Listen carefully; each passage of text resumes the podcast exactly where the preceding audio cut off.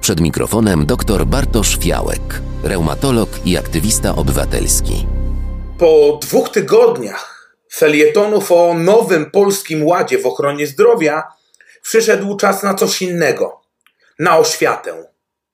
Niesienie kaganka oświaty ma to do siebie, że czasami trzeba napisać i powiedzieć coś, co wydaje się być oczywiste, ale jednak mało kto o tym wspomina.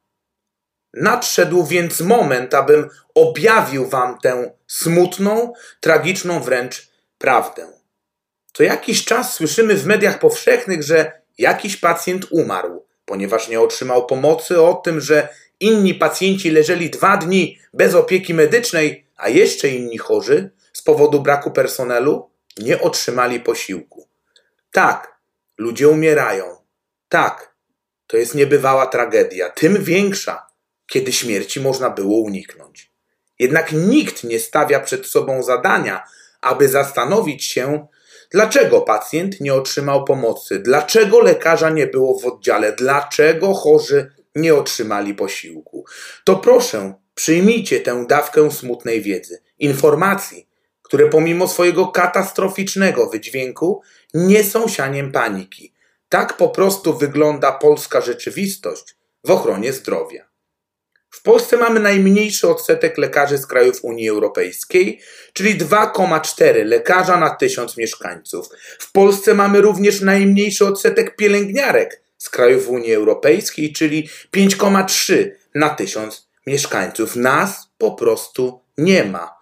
Kiedy nie ma pracowników ochrony zdrowia, to pacjenci nie zostają zaopatrzeni. I są to problemy już sprzed pandemii COVID-19, które poprzez zarazę nasiliły się do granic, ponieważ niezaspokojonych potrzeb zdrowotnych jest znacznie więcej, a i co jakiś czas zdarza się nam wypaść na izolację z powodu zakażenia nowym koronawirusem.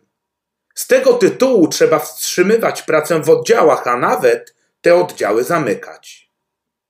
W niektórych oddziałach nie można spiąć grafików dyżurowych, więc zdarza się, iż pacjenci nie otrzymują odpowiedniej opieki medycznej. Nie ma lekarza, nie ma pielęgniarki, nie ma ratownika medycznego, nie ma nikogo. A gdy brak jest personelu, to nikt chorego nie zaopatrzy, nikt choremu posiłku nie wyda, nikt choremu zwyczajnie nie pomoże.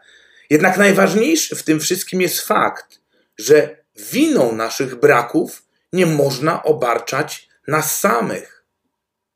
Nie jest moją winą przecież, że w trakcie walki z pandemią COVID-19 zaraziłem się nowym koronawirusem i nie mogłem przez jakiś czas pracować w szpitalnym oddziale ratunkowym, przez co dostrzegaliśmy problemy ze spięciem grafiku dyżurowego. Nie jest winą lekarza, że nie ma go w określonym czasie w danym oddziale, skoro akurat ma wolne po kilkudziesięciu godzinach ciągłej pracy. Nie jest winą pielęgniarki, że znajduje się w izolacji, ponieważ walczyła z SARS-CoV-2 i się zaraziła. Nie jest winą ratownika medycznego, że akurat pracuje w innym miejscu, gdzie również odpiera atak zarazy, przez co w tym drugim być go zwyczajnie nie może. Nie jest winą diagnosty laboratoryjnego, że nie ma odczynników, aby przeprowadzić jakieś badanie, czy chociażby kolejny test na obecność zakażenia SARS-CoV-2. Nie jest winą salowej czy sanitariusza, że zachorowali.